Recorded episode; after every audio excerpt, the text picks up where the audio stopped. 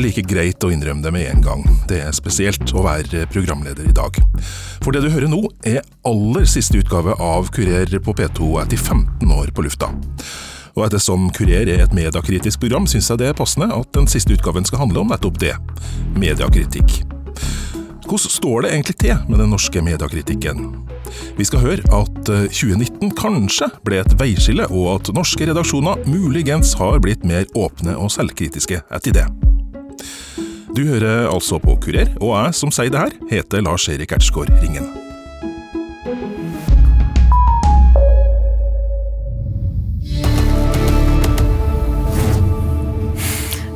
Ja, altså, Hele Norge stenges jo nesten ned Fredrik. Eh, hvordan er det med deg? Er du, er du stressa?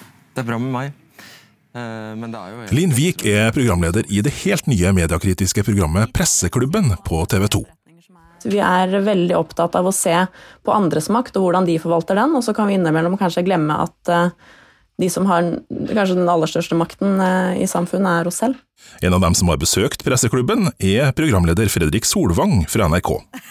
Du stiller altså kritiske, nesten nådeløse spørsmål eh, til makta, og, og, virker som du alltid har ganske sånn full kontroll.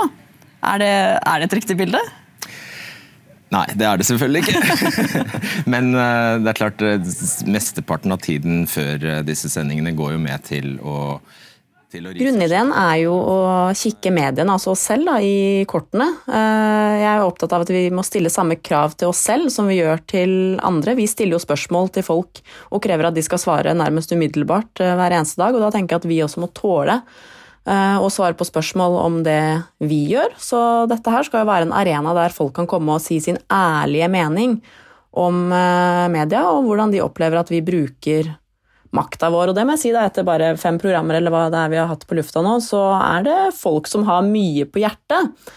Eh, så hvert eh, program så inviterer jo vi en person som har mye erfaring med mediene, som kommer for å fortelle om et øyeblikk, en situasjon, et bilde, et eller annet som vi har sett i mediene, men som kanskje har opplevdes litt annerledes da, for eh, hovedpersonen. Vi hadde jo Knut Arild Hareide, for eksempel, som fortalte om da hans svigerinne døde, om hvordan hele Presse-Norge visste om det i det som var vel nesten et år, men ingen skrev om det fordi at de ikke ønsket det. Hvor viktig det var for han i en personlig krise å oppleve at journalister respekterte det. Så hadde vi på den annen side f.eks. Gro Hammerseng Edin, som fortalte om et enormt press og tøft møte med, med mediene i OL, som gjorde at hun rett og slett knakk sammen rundt hjørnet etter å ha møtt eh, pressen. Så det er historier som det på, på godt og vondt. Og så er det jo sånn hos oss at det er gjestene som er premissleverandørene for eh, mediekritikken. Uh, og det tenker jeg er litt viktig, at de skal få lov å komme til oss og si sin ærlige mening. Og så har vi alltid en representant for mediet media der som skal svare på det.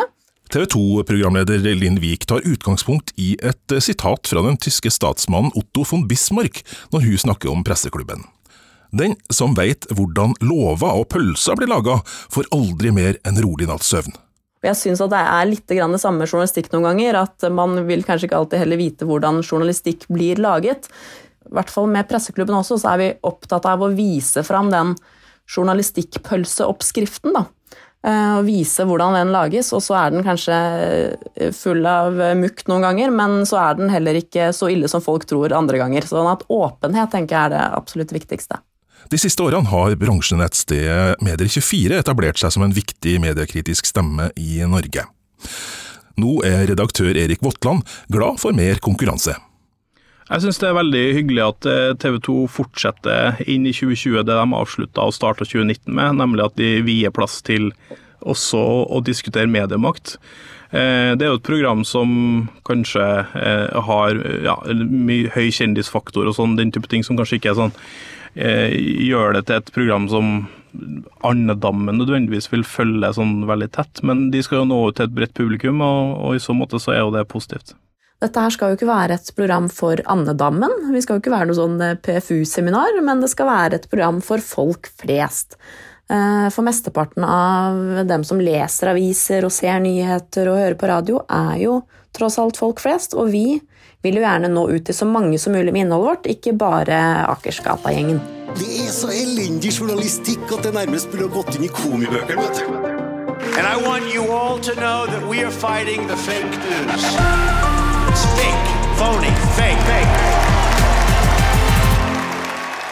Han er en av landets mest erfarne krimreportere og har dekka krim, krise og terror i en årrekke. Nå er han i førstelinja og dekker koronakrisa for TV 2. Velkommen til pressepodden fra Medie24, Kadafi Samaren. Hei, hei.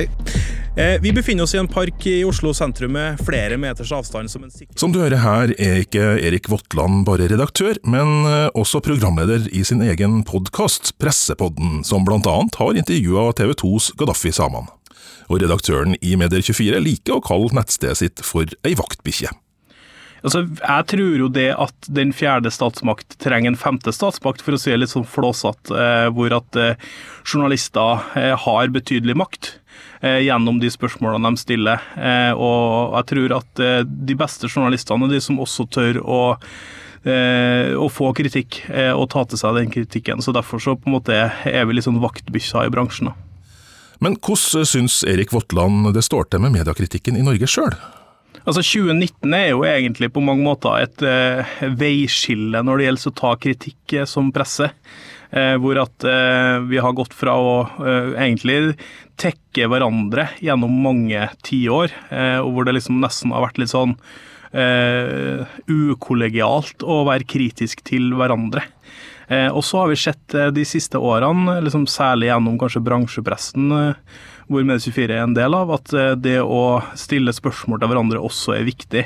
Om du henger med videre her i Kurer på NRK P2, får du vite hva det er som får redaktøren i Medier24 til å si at fjoråret ble et veiskille som har gitt mer mediekritikk her i Norge. Men betyr arbeidet til bransjenettstedet som Medier24 og journalisten noe for deg som hører på Kurer akkurat nå? Jeg stilte spørsmålet til sjefredaktør Gard Steiro, som styrer redaksjonen i VG fra hjemmekontoret sitt akkurat nå.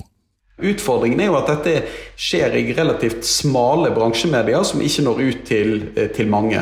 Det mener jeg er uheldig. Vi må ikke lulle oss inn nå i en situasjon der fordi vi har tre-fire nettaviser eh, der som først og fremst journalister og mediefolk abonnerer på at det er en levende debatt om journalistikk i Norge. Så det er jo et paradoks da, kan du si, at, her, at jeg sitter her og blir intervjuet dette i den siste sendingen av Kurer. Som jo har jo vært ett slikt program som jeg tror har kunnet nå ut til et bredere publikum enn de som eh, uansett har oversikt over det som foregår i bransjen. En av dem som driver med mediekritikk eh, som når mange av oss som ikke jobber i media sjøl, er Anki Gerhardsen i Bodø. For hun er en av tre faste mediekritikere som skriver for Aftenposten.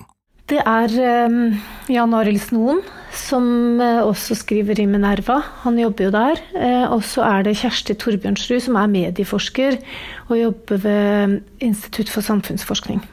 Og så du, da. Og så meg, som er journalist og teaterkritiker.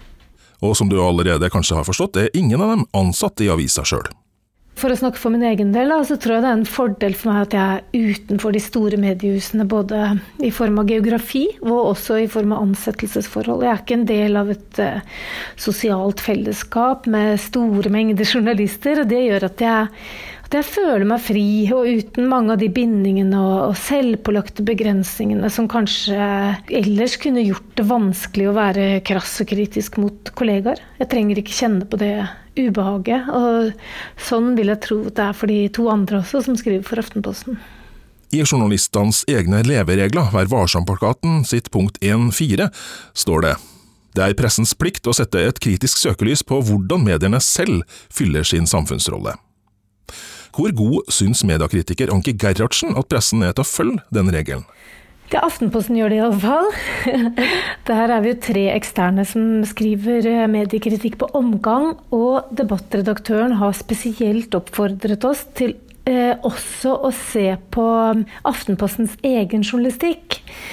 Men eh, sånn til det generelle bildet eh, jeg har ikke full oversikt, men jeg har ikke inntrykk av at det er mange aviser som gjør et så systematisk arbeid for å um, ivareta den forpliktelsen i Vær varsom-plakaten. Bransjens egne nettaviser de er jo på, da. Eh, og i Medie24 så har jo f.eks. Trygve Aas Olsen skrevet mye. Og så har vi jo Kurer, som har vært veldig viktig for å løfte disse samtalene og diskusjonene ut til allmennheten. Men eh, ellers så tror jeg nok at det er eh, litt å gå på, altså. Hva syns Anki Gerhardsen er forklaringa på at ikke flere redaksjoner bruker mer tid på å ha et kritisk søkelys på andre redaksjoner? Det er ikke så morsomt å skjelle ut eh, kollegaer eller være veldig kritisk mot kollegaer. Du vet at det kan slå tilbake seinere, det kan bli litt sånn vanskelig når man er tett på hverandre. og Kanskje er det en, en type forklaring, eller en del av forklaringen. Og så tror jeg òg at det har vært begrensa tradisjon for det i Norge. Det har ikke vært så mye Man har ikke vært så opptatt av å ettergå hverandre i sømmene. For et drøyt år siden satt lederen i den liberale tankesmia Sevita, Kristin Clemet, heim og skulle skrive en kronikk. I bakgrunnen sto dansk TV 2 på, og det var et program som kalles Presselosjen, som gikk akkurat da. Når noen snakker om at staten eller myndigheder skal bestemme hvordan man laver journalistik, så skal alle journalister reagere med et nej. Det skal de ikke. Mm. Og Det er jo derfor at det er meget, meget vigtigt, at der bliver stillet en masse spørsmål. Jamen, hva er det egentlig han er ude etter? Det var litt tilfeldig. Jeg satt og skulle skrive en artikkel, og så gikk det programmet på, på, på TV i bakgrunnen. Og så slo det meg hvor eh, viktig jeg syns det programmet er, og at jeg savnet eh, den typen eh, mediekritikk i Norge. Så det var, var rett og slett ikke, ikke noe viktigere grunn enn det. For Clemet mener åpenhet må være en helt sentral verdi i mediene. Altså jeg tror vi vet ganske mye om hva som rører seg f.eks. i det politiske miljøet. Når man eh, skal fatte beslutninger, hvilke overveielser man gjør osv. Og, så og eh, at vi vet mye om det. Men vi vet ikke like mye om det som skjer i redaksjonen når de tar eh, beslutninger om hvilke prioriteringer de skal gjøre. Så det er mer åpen diskusjon og, og, om det som, som jeg er på jakt etter, mer enn akkurat enormt mye gravejournalistikk på hverandre. Er det noe som er viktig i et demokrati som nå på en måte presser grensen for hva et demokrati kan gjøre, så er det jo en fri presse. Men det er ikke bare å si fri presse. Det å være en fri presse er jo også ledsaget et enormt ansvar. Og det ansvaret vil eh, vi som publikummer gjerne ha innsyn i hvordan det forvaltes. Hun har dessverre ikke fått sett på det nye programmet til TV 2 her hjemme i Norge, Presseklubben. Men programlederen der, Linn Wiik, er iallfall helt enig om at åpenhet må være et viktig mål. Jeg tror det er kjempeviktig. Jeg tror det er det som gjør at vi får uh, tillit fra folk. At det ikke skal være noe sånn hemmelig, noe vi driver med som ikke tåler dagens lys. Det tror jeg er kjempeviktig. At det er nettopp den åpenheten som gjør at man kan stole på oss. Uh, at vi viser at vi ikke har noe å skjule, og til og med viser at vi kan gjøre feil, vi også. Og legge oss flate og beklage når det skjer, for det gjør det jo, som alle andre steder. Men hvor god har egentlig mediene vært til å være åpen fram til nå? Jeg syns egentlig ikke vi har vært så veldig gode til det. Eh, og vi er ikke så veldig gode på å ta selvkritikk heller, syns jeg. Eh, vi er jo opptatt av at alle andre skal liksom eh, ta selvkritikk og legge seg flate og be om unnskyldning hele tiden når man gjør noe galt, og gå av og trekke seg og alt som er. Men alt vi gjør er liksom så innmari høyverdig, opplever jeg noen ganger. Og der tror jeg vi må bli bedre da, og tørre å si oftere at vi også gjør feil. Da vil også seere og lyttere og lesere få høyere tillit til oss. Og jeg tenker jo at akkurat nå i disse koronatider så trenger jo folk mer enn noen gang folk, altså medier de kan stole på. Tidligere i programmet lovde jeg å avsløre hvorfor redaktør Erik Votland i bransjenettstedet Medie24 mener 2019 ble et veiskille i norsk presse, som har gitt oss mer åpenhet og mer pressekritikk. Altså, I 2019 så valgte jo et eh, veldig stort norsk medie å ettergå et annet veldig stort norsk medie, når TV 2 eh, løfta fram den såkalte Bar Vulkan-saken, eh, og stilte eh, sjefredaktøren i VG til veggs med publisistiske valg han har gjort. Og det er klart at Vi er jo vant til å se mediekritikk i våre spalter. Altså Vi er vant til å se enkelte saker, liksom Dagbladet som skriver kritisk om Farmen som går på TV 2. Altså, det er vi vant til. Men det vi ikke er vant til, det er at vi har et stort norsk medie som ettergår et annet stort norsk medie på nyhetsplass. Og som stiller spørsmålet på en måte rota i det årsaken til at vi har eh, journalistikk. Eh, og som ettergikk liksom alt fra kildekritikk til, til liksom bindinger og det ene og andre. Og det er klart at Den reportasjen var på mange måter en sånn før og et etter når det gjelder mediekritikk i Norge.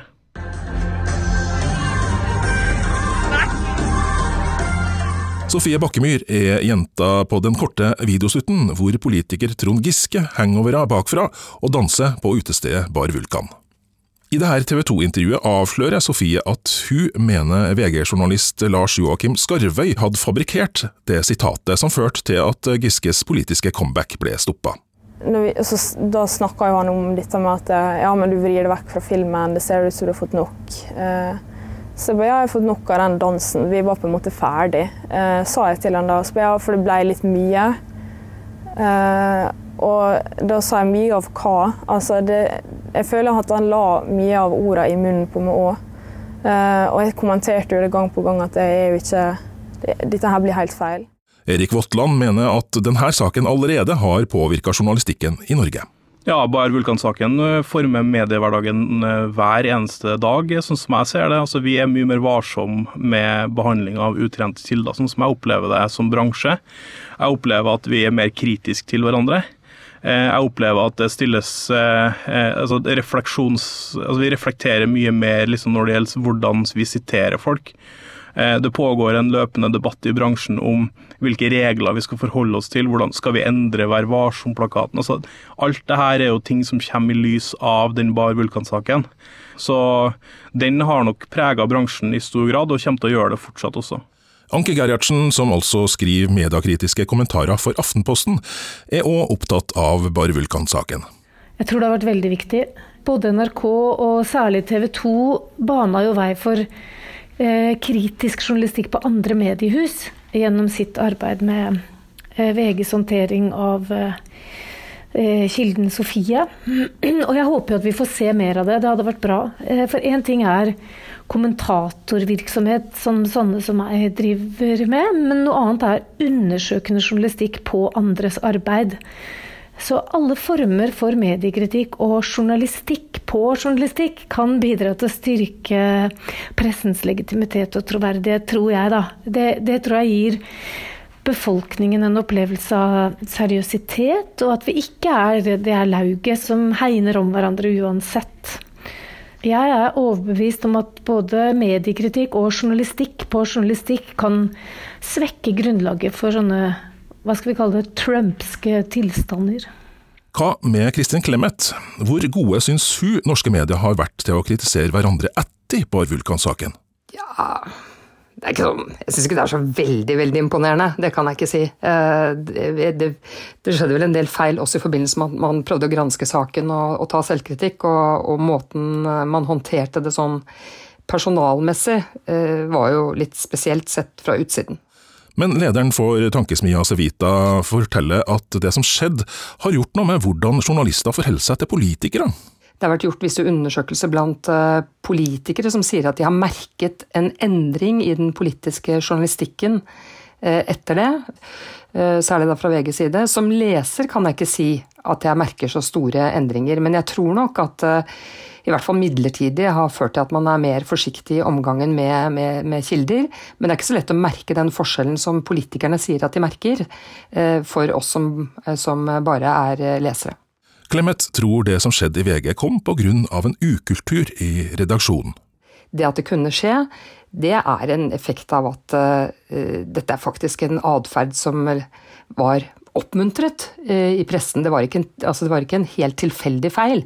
Man hadde presset uh, atferden til det ytterste, og så plutselig så vippet det over, og så, og så kom det for en dag. Um, jeg, ikke, altså jeg ble ikke så sjokkert over at det hadde skjedd, for jeg følte ikke at jeg trodde at det foregikk så veldig mye annerledes, for å si det sånn. Sjefredaktør Gard Steiro i VG svarer. Altså De som kjenner VG og de som kjenner mediebransjen, de tror jeg ser at dette var en sak som var, eh, ikke var representativ for journalistikken i VG. Men det er klart at noen av de feilene som ble gjort i denne saken, de tror jeg kunne skjedd mange steder. At man siterer noen, det kommer et sitat på trykk som ikke noen kan stå inne for. Det tror jeg kan skje eh, i mange redaksjoner. Det er jeg overbevist om har skjedd i mange, mange redaksjoner. Men, men jeg tror saken var ikke representativ for måten VG jobber på, det er jeg helt, helt uh, uenig i. Hvordan opplevde egentlig sjefredaktøren i VG sjøl å bli utsatt for en sterk mediestorm som det her? Det opplevdes, som jeg tror alle andre vil oppleve det, eh, som, eh, som svært ubehagelig. Og selv om vi i VG jo, kan jo denne bransjen og forstår jo hvordan journalistikk fungerer, så er, det, så er det selvfølgelig veldig krevende å havne i et sånt søkelys. Men òg så syns vi jo heller ikke at vi, vi, klarte å håndtere det like godt som vi burde gjøre å stå i den stormen. Noen sier jo at dette må man tåle. Det syns jeg er et dårlig uttrykk, for jeg tror vi i mediene skal forstå at dette er det ikke alle som tåler, og det er en stor belastning å stå i en sånn krise. Men man må som, som ledere og som medier håndtere, håndtere det. Og som sagt, det er aldri så galt at det ikke er godt for noe. Først og fremst så var det jo uh, fortjent at vi fikk denne kritikken, og så var det jo òg lærerikt. Og for uh, både meg og jeg tror andre ledere som sto i dette i VG, så er vi jo en dyrekjøpt erfaring rikere. Og det er klart at vi sitter nå med en erfaring som gjør det Der, vi, gjør det en, der tror òg at vi har en annen forståelse for hvordan uh, det er å bli utsatt for den type mediekjør som det VG ble utsatt for. Men hva slags forandringer har Bar Vulkan-saken ført til i redaksjonen som var ansvarlig for eh, skandalen sjøl? Den viktigste forandringen var at vi fikk på plass et, eh, en kildemanual og det var jo ikke sånn at Den kildemanualen revolusjonerte måten man jobbet på i VG, men det vi fikk var at vi fikk en grundig diskusjon om de uh, problemstillingene man møter når man snakker med kilder, og særlig uerfarne kilder. Sånn at vi fikk på en måte en felles standard i redaksjonen og en god debatt i hele redaksjonen om hvordan man skal håndtere, uh, håndtere og ta seg av uerfarne kilder. Jeg er ikke sikker på at det i stor grad endret måten journalistene i VG jobbet på, men jeg syns den diskusjonen var nyttig, og vi fikk jo òg opp andre problemstillinger enn det som var belyst gjennom eh, Kildeutvalgets eh, arbeid. Kildeutvalget, som sjefredaktør Gard Steiro i VG snakker om her, var en blanding av pressefolk og kilder som ble satt sammen etter Bar Vulkan-saken for å vurdere endringer i måten norske redaksjoner og journalister jobber på. En av medlemmene var Anki Gerhardsen, som vi allerede har hilst på.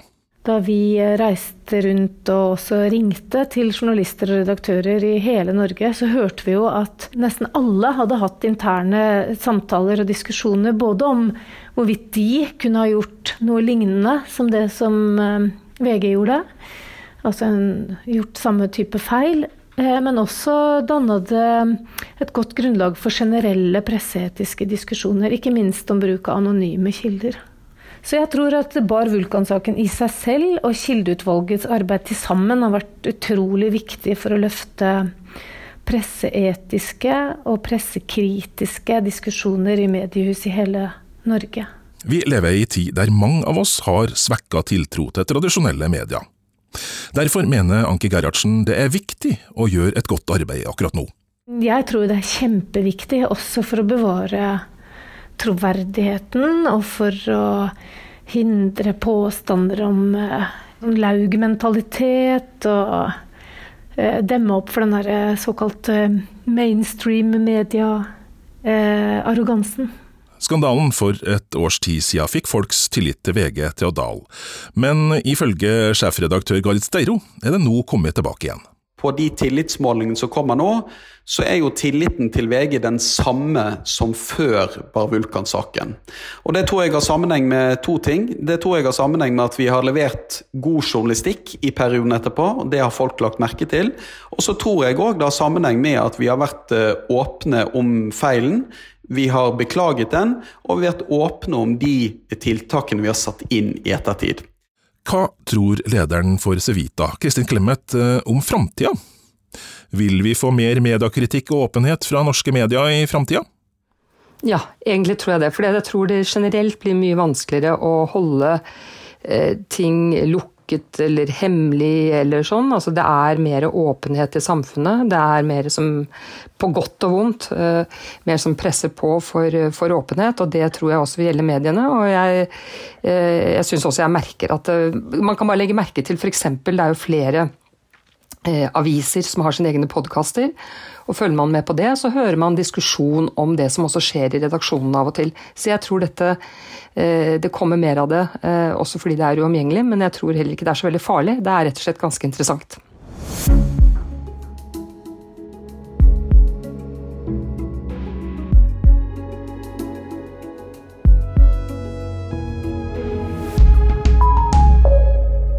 Piratradioens dager er over. Nå er det podkasting som gjelder. Og i denne første utgaven av Kurer så får du vite hva podkasting er, og du skal få møte to glade amatører som driver med nettopp podkasting. Du hører på et radioprogram. Kurer. Det du hørte her, var litt lyd fra det aller første kurerprogrammet i historien, lørdag 3.9.2005. Programleder var Line Gevelt Andersen, og temaet var like aktuelt da som det er nå, nemlig podkast. En liten fun fact i den sammenhengen er at Kurer faktisk er NRKs eldste podkast, fordi denne første episoden ble lagt ut til nedlasting på nettet. Og det du hører nå, er den aller siste Kurerpodkasten, eller radioprogrammet om du hører oss direkte på P2. For nå er det slutt. Jeg heter Lars Erik Ertsgaard Ringen. Ha ei god påske, og ta godt vare på hverandre.